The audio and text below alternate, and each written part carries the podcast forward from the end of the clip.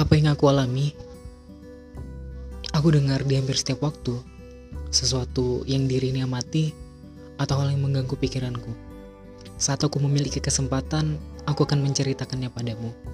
Mungkin ketika aku sedang mengobrol dengan seseorang perihal kehidupan, akan kuperdengarkan juga padamu. Senang kau bisa mendengarkanku.